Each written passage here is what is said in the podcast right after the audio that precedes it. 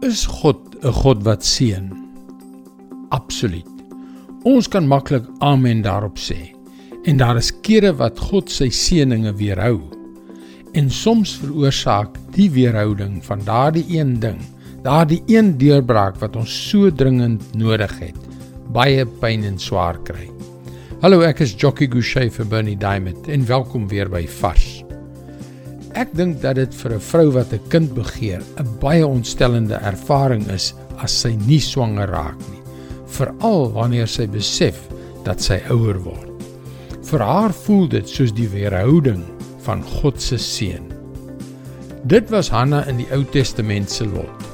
Die vertraging van God se seën het 'n selfs meer kwetsende draai gehad.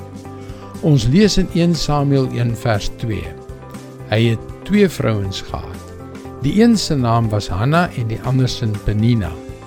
Penina het kinders gehad, maar Hanna nie. En Penina het dit ingevryf. Jaar na jaar moes Hanna met die gevoel van haar onvermoë saamleef. Die feit dat sy nie kinders kan hê nie, beteken dat daar fout met haar was. En dit in 'n samelewing waar die aantal kinders wat jy het gesien is as 'n belangrike maatstaf vir die mate van seën wat God bereid was om oor jou lewe uit te stort. In die wêreld se oë moes Hanna beslis iets verkeerd gedoen het, iets om God aanstoot te gee. 'n Mens kan sommer haar pyn aanvoel, nê? Nee. Maar wanneer ons verder lees, ontdek ons dat Hanna uiteindelik 'n seun gekry het, die profeet Samuel, wat 'n deurslaggewende rol gespeel het, nie slegs in die geskiedenis van Israel nie, maar ook as voorvader van Jesus, die verlosser van die wêreld.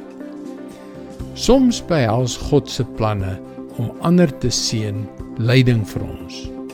Dit is moeilik om te aanvaar, maar tog is dit die waarheid.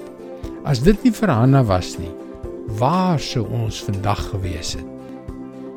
God se plan is altyd die regte plan. Al veroorsaak dit vir 'n tyd lank pyn. Dit is sy woord vars vir jou vandag.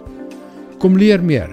Besoek gerus ons webwerf varsvandag.co.za vir toegang tot nog boodskappe van Bernie Diamond.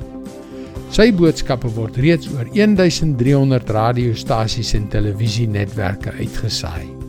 Skakel weer môre op dieselfde tyd op jou gunstelingstasie in. Mooi loop. Tot môre.